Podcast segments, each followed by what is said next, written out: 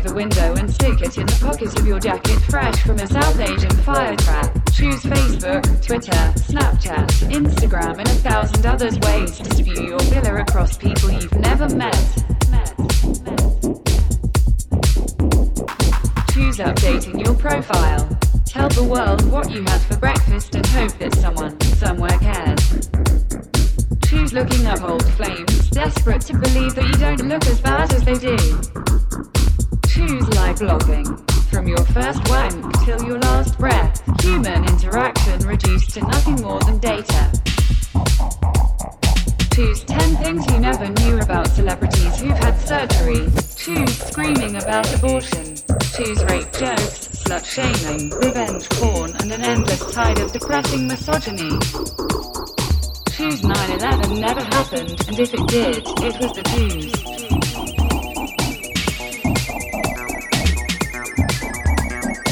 Choose a zero-hour contract and a two-hour journey to work. And choose the same for your kids, only worse, and maybe tell yourself that it's better that they never happened. And then sit back and smug mother the pain with an unknown dose of an unknown drug made in somebody's fucking kitchen. Choose unfulfilled promise and wishing you'd done it all differently. Choose never learning from your own mistakes. Choose watching history repeat itself. Choose the slow reconciliation towards what you can get, rather than what you always hoped for. Settle for less and keep a brave face on it. Choose disappointment and choose losing the ones you love, love. As they fall from view, a piece of you dies with them. And so you can see that one day in the future, they will all be gone and there's nothing left of you to call alive or dead. Choose your future. Choose life.